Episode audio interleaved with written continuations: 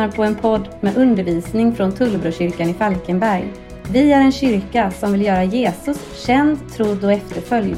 Vi hoppas att det du lyssnar på ska få bli till glädje och uppmuntran för dig.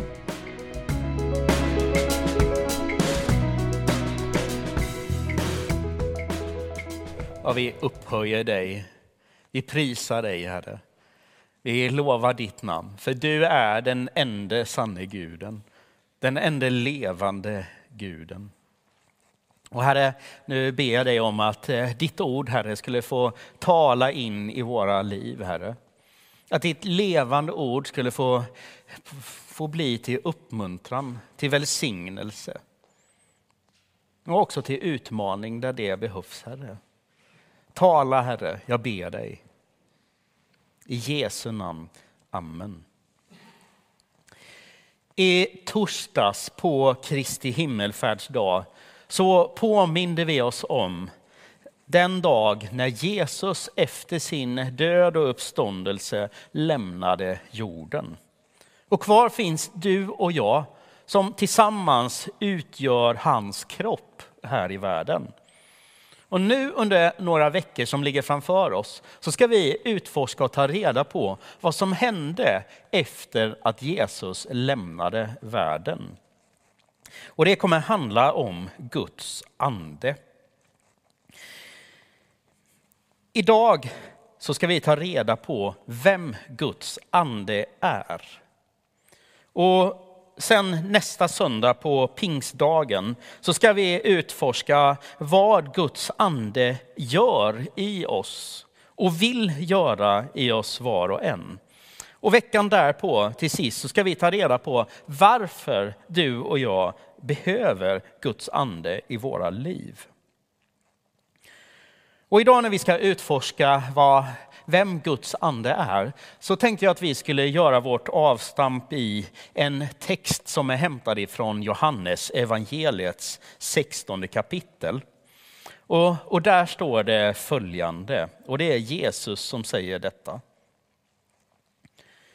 Nu går jag till honom som har sänt mig och ingen av er frågar mig, vart går du? Men när jag nu har sagt er detta är era hjärtan fyllda av sorg. Men jag säger er sanningen, det är för ert bästa som jag går bort. För om jag inte går bort kommer inte hjälparen till er. Men när jag går bort ska jag sända honom till er. Och när han kommer ska han överbevisa världen om synd och rättfärdighet och dom. Om synd, de tror inte på mig. Om rättfärdighet, jag går till Fadern och ni ser mig inte längre. Om dom, den, denna världens första är dömd. Jag har mycket mer att säga er, men ni kan inte bära det nu. Men när han kommer, sanningens ande, då ska han leda er in i hela sanningen. Han ska inte tala av sig själv, utan bara tala det han hör. Och han ska förkunna för er vad som kommer att ske. Han ska förhärliga mig, för han ska ta av det som är mitt och förkunna för er. Allt som Fadern har är mitt. Därför sade jag att han ska ta av det som är mitt och förkunna för er. Alldeles nyss så hade Jesus tvättat lärjungarnas fötter. Tillsammans hade de delat måltiden tillsammans. Men sen hade Jesus plötsligt börjat prata om att han snart skulle lämna dem. Att han snart inte skulle vara kvar ibland dem. Petrus, han frågar Jesus vart han tog vägen. Och han förstod inte riktigt varför de inte kunde följa med honom. Och Thomas, han undrade hur de skulle kunna följa med när, när Jesus inte berättade vilken väg han skulle gå. Men Jesus han förklarade för lärjungarna att de inte behövde vara oroliga. Att han inte skulle lämna dem i sticket eller överge dem. För även om världen skulle hata dem, Även om världen till och med skulle förfölja dem och rent av döda några av dem på grund av deras tro, så berättade Jesus att han skulle be Fadern att sända en annan hjälpare som skulle komma och vara hos dem och oss för alltid. Alltså, samtalet gick på ganska kort tid från att vara ett samtal i dur till att gå över i moll. Det som var glädje och, och tacksamhet över att få fira måltiden tillsammans övergick plötsligt i sorg och oro för lärjungarna. Och det är ju inte undra på att de började fråga sig, vad ska det nu bli av allt? Eller att de fick svårt att förstå, men varför måste Jesus lämna oss för? Varför kan han inte stanna kvar för? Och vart ska han ta vägen egentligen? Jesus prat om hat, förföljelse och död, det var ju förstås svårt för lärjungarna att riktigt ta in och smälta. Och nu var det ju inte längre någon, precis som vi läste i texten, som frågade sig vart Jesus skulle gå. Av förklarliga skäl. Utan nu handlade det ju snarare för dem själva om vad de skulle ta sig till, vad de skulle göra, vart de skulle ta vägen.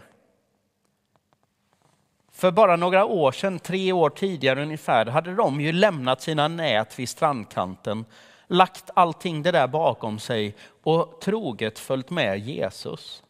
Och nu plötsligt så säger han att om en tid så kommer jag inte vara kvar ibland er. Sen säger Jesus någonting som antagligen fick dem att tappa hakan, tror jag. För i Johannes kapitel 16, vers 7 som vi läste, så säger Jesus, jag säger er sanningen. Och när Jesus säger det där, när vi läser det i evangelietexterna, så vet vi att det är någonting Jesus liksom vill stryka under. Han vill förtydliga. Jag säger er sanningen. Alltså spetsa nu era öron. Lyssna noga på det jag nu ska säga, för det här är viktigt.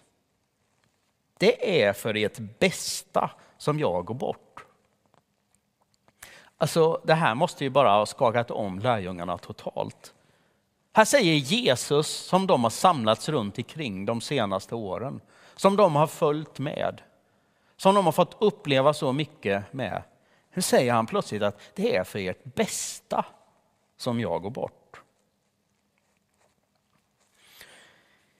I veckans eftersnack som kom ut på tullbrokyrkan.se här för några dagar sedan så samtalar vår ungdomsledare Alfred tillsammans med Christer Gunnarsson om eh, förra söndagens predikan. Om du har missat det så skulle jag verkligen vilja uppmuntra dig att gå in och lyssna nu i efterhand efter gudstjänsten. I samtalet eh, där så, så, nämner bland annat Christer eh, något som jag skulle vilja spinna vidare på idag, för jag tänker att det är så, så viktigt. Nämligen när vi nu ska ta reda på vem den helige ande är, vem Guds ande är, så behöver vi eh, utgå ifrån det mest grundläggande, nämligen att den helige ande är en person. Inte bara en märklig kraft som liksom svävar runt i kosmos lite obestämt. Jag vet inte hur det är med dig, men jag själv, jag växte upp i ett kristet sammanhang och jag växte in i tron. Men för mig tog det många år innan jag började inse att den heliga ande är mer än någon slags mystisk eh, kraft. För mig var eh, eh, den kristna tron och framförallt synen på Gud väldigt begränsad. Som kanske dig så tänkte jag och såg framför mig att Gud fader, det är en äldre man med långt hår och ett stort skägg som sitter på ett moln. Och i mitt inre så var Jesus en ung man med långt ljust hår och blåa ögon som sa snälla och schyssta saker. Och den heliga ande var för mig odefinierbar osynlig, obegriplig och lite mystisk. I vissa stunder kunde jag till och med uppleva att den heliga ande liksom lite sköts åt sidan, förpassades in i bakgrunden, blev mindre värd och lite nedtonad. Jag vet inte om du delar den erfarenheten, men det var det jag växte upp med. Och av många så uppfattas än idag Guds ande som ett objekt mer än en person. Och jag vet inte, men jag tänker att det kanske kan bero på att det kan vara svårt för oss att relatera till just Guds ande. För vad ska vi jämföra honom med? Jesus kanske vi har lättare att relatera till eftersom han precis som dig och mig var och är en människa. Men den helige ande, hur ska vi kunna närma oss någonting som saknar motstycke här på jorden? Men någonting som alltså är viktigt att komma ihåg och som framgår även i vers 7 i dagens text, det är att det Jesus skulle sända, det var inte ett det, utan en honom. Teologen Erik Bernspång som har skrivit eh, bland annat om den helige ande. Han skriver så här att hjälparen, den helige ande alltså, är inte ett abstrakt substantiv utan en levande person. Lika verklig som Fadern och Sonen. Men nu kanske du tänker i ditt inre, mm, ja det kanske eh, är så, men hur stämmer det? För Bibelns författare talar ju faktiskt om anden i termer av att vara som eldsflammor. Eller som en duva som kommer ner när Jesus döps. Eller som en vind som blåser lite dit den vill. Så det där låter ju inte riktigt som en person i mina öron. Nej, det låter inte riktigt som en person. Men vi ska komma ihåg att Guds ande samtidigt har egenskaper som bara en person kan ha, inte ett objekt. För har du till exempel tänkt på att, att Guds ord beskriver anden som någon som har en vilja, ett förstånd och känslor? Jag skulle vilja skicka med tre stycken bibeltexter till dig idag tre texter som du gärna kan läsa på egen hand när du har möjlighet. Eh, och vi ska bara kort se på dem, för jag vill visa för dig vad Bibeln faktiskt säger om den tredje personen i, i, i treenigheten, Guds ande. Och den första texten den är hämtad ifrån första Korintierbrevets andra kapitel, vers 10-11. Där står det följande, och Paulus skriver eh, till församlingen om Guds hemliga vishet, alltså det som är dolt för världen, men som Jesus kom för att eh, uppenbara och visa för oss. Och så skriver Paulus så här i första Korinthierbrevets andra kapitel, vers 10-11. Anden utforskar allt, även djupen i Gud.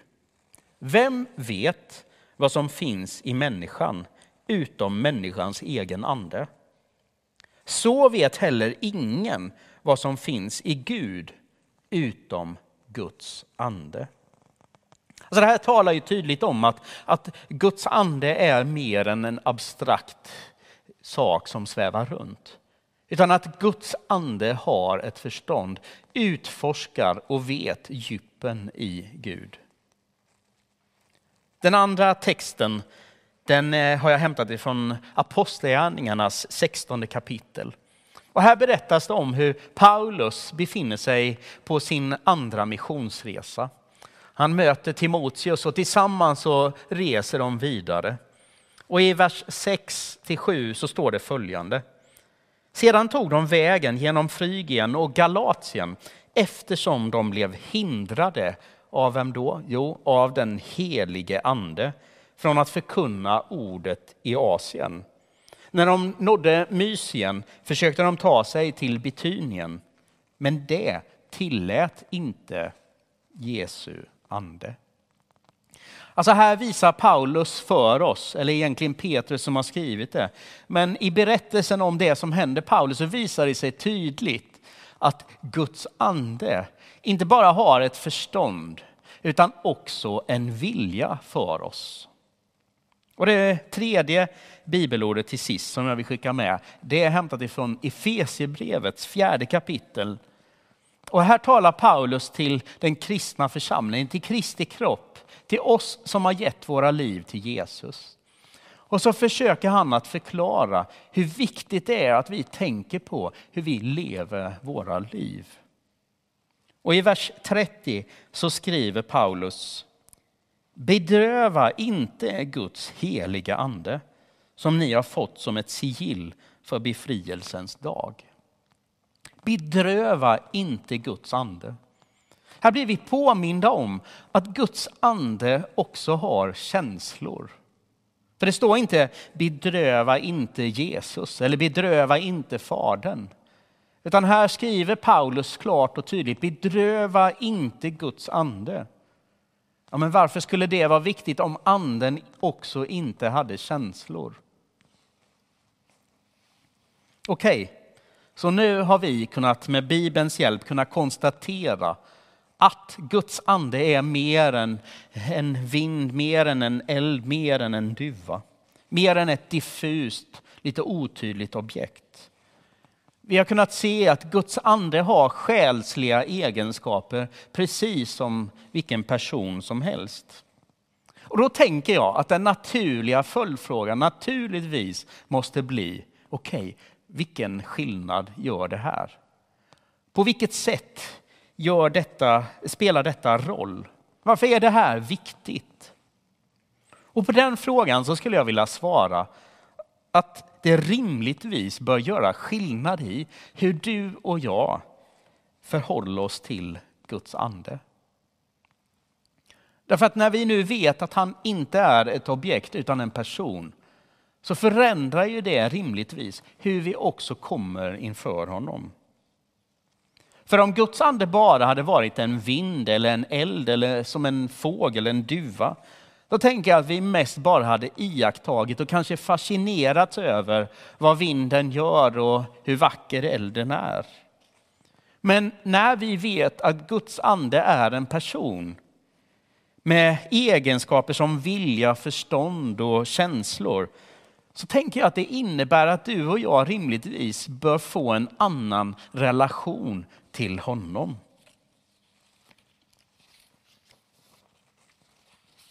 Jag vet inte om du någon gång har liksom slagits av hur speciellt det är att, att leva nära en annan människa. Jag vet inte om du någon gång har upplevt det där jag kan uppleva titt som tätt tycker jag. Att den där människan som, som man tänker att man har lärt känna över tid plötsligt visar nya djup. Man får se nya sidor och fascineras över hur, hur vi människor nästan är som bärare av ett inre universum. Att lära känna en människa på djupet, det tar tid, tänker jag. Jag tänker att det tar ett helt liv. Och om det tar tid att på djupet inte bara ha kunskap om utan lära känna en annan människa som vi kan eh, se med våra ögon, som vi kan höra med våra öron och som vi kan röra vid. Så tänker jag att det inte är så märkligt att vi också kan ägna ett helt liv åt att lära känna och upptäcka Gud och hans ande. Och det är en stor skillnad vid att ha kunskap om vem Guds ande är. Och en helt annan sak att faktiskt lära känna honom. För jag kan ha all kunskap i världen lagrad här uppe i mitt huvud. Jag kan ha en hyllmeter böcker om den heliga ande hemma i bokhyllan. Men det är inte det som är det viktiga. Utan att vi får växa i den personliga relationen med honom. Teologen Ruben Archer Torrey som har skrivit en, eh, en, ja, nästan en, ett klassiskt verk, en helt enastående bok om den helige ande. Någonstans runt år 1910, strax runt när pingstväckelsen bryter ut. Han skriver så här, att om vi tänker, som många gör, att den heliga ande enbart är en kraft, då kommer vår ständiga tanke vara, hur kan jag få mer av den heliga ande? Men om vi tänker på honom i bibliskt avseende som en gudomlig person så kommer vår tanke istället vara hur kan den helige ande få mer av mig? Det där är två helt olika frågor. Den ena frågan handlar om hur kan jag få mer av anden? Och det andra handlar ju om att ställa sitt liv till förfogande. Och det som vi ska se närmare på under de två kommande veckorna. Därför att som vi har sett idag, Guds ande har en vilja, har ett förstånd och har känslor. Så Guds ande vill någonting med ditt och mitt liv. Och istället för att vi undrar hur vi kan få mer av den heliga ande, så kanske vi skulle börja med att ställa frågan, eller säga, heliga ande, här är jag. Vad vill du göra med mitt liv? Hur vill du leda mig? Vad vill du tala till mig om? Vad vill du visa för mig? Hur vill du använda mig? Jag tänker så här att oavsett om du har varit en kristen i en vecka, ett år eller tio år eller, eller hundra år för den skull, så hoppas jag att det som vi har läst om idag verkligen ska få göra skillnad i ditt liv med Gud. Att din relation med Guds ande skulle få blomma ut på ett helt nytt sätt. Att du själv skulle få erfara att Guds ande förstår dig. Att Guds ande har en vilja för ditt liv, vill leda dig. Min bön är att Guds ande skulle få bli mer verklig i din och min vardag. Så varför inte börja dagen med att be helig ande, här är jag. Hur vill du använda mig idag? Nästa vecka så ska vi fortsätta att utforska liksom hur det kommer sig att det är bättre för oss att ha Guds ande i oss än Jesus bredvid oss. Så missa inte det. Lite tidigare i Johannesevangeliet så säger Jesus följande.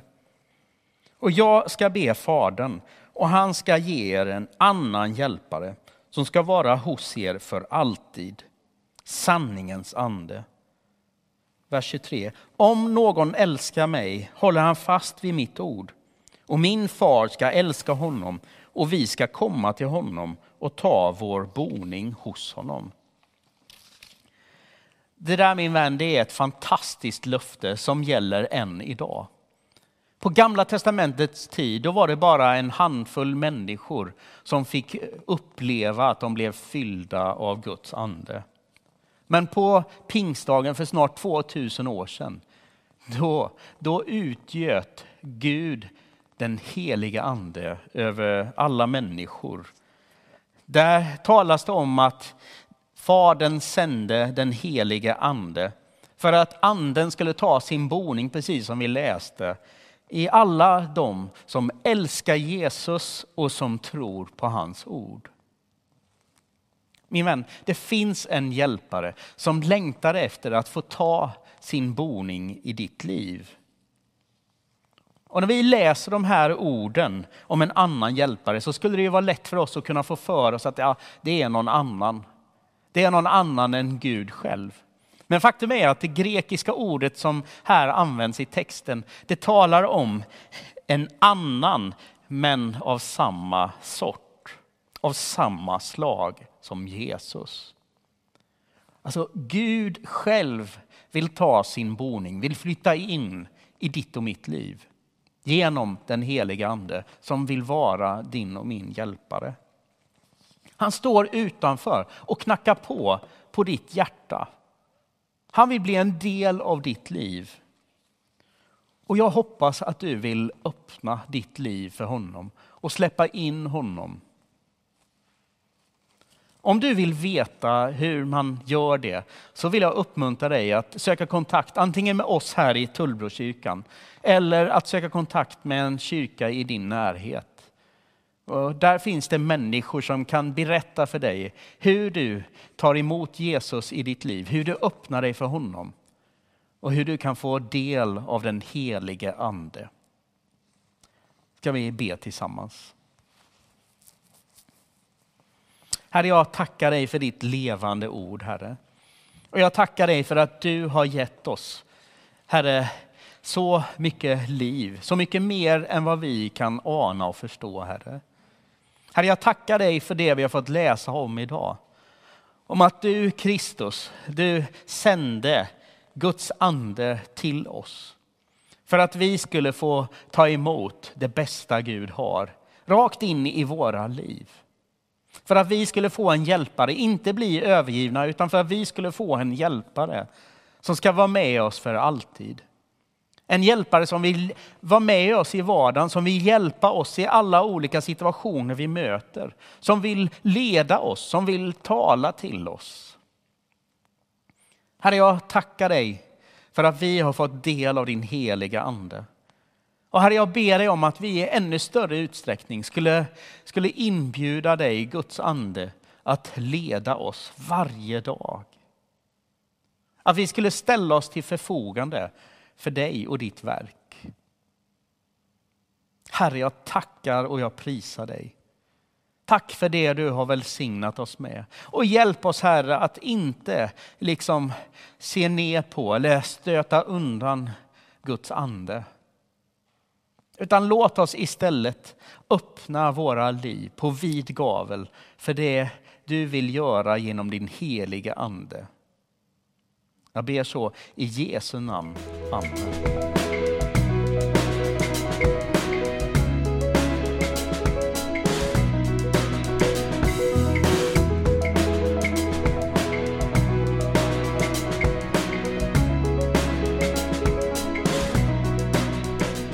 Du har lyssnat på en podd från Tullbrokyrkan. Du är alltid välkommen till våra gudstjänster på Halmstadvägen 5 i Falkenberg. Besök oss gärna på tullbrokyrkan.se för mer info eller sök på Tullbrokyrkan på sociala medier.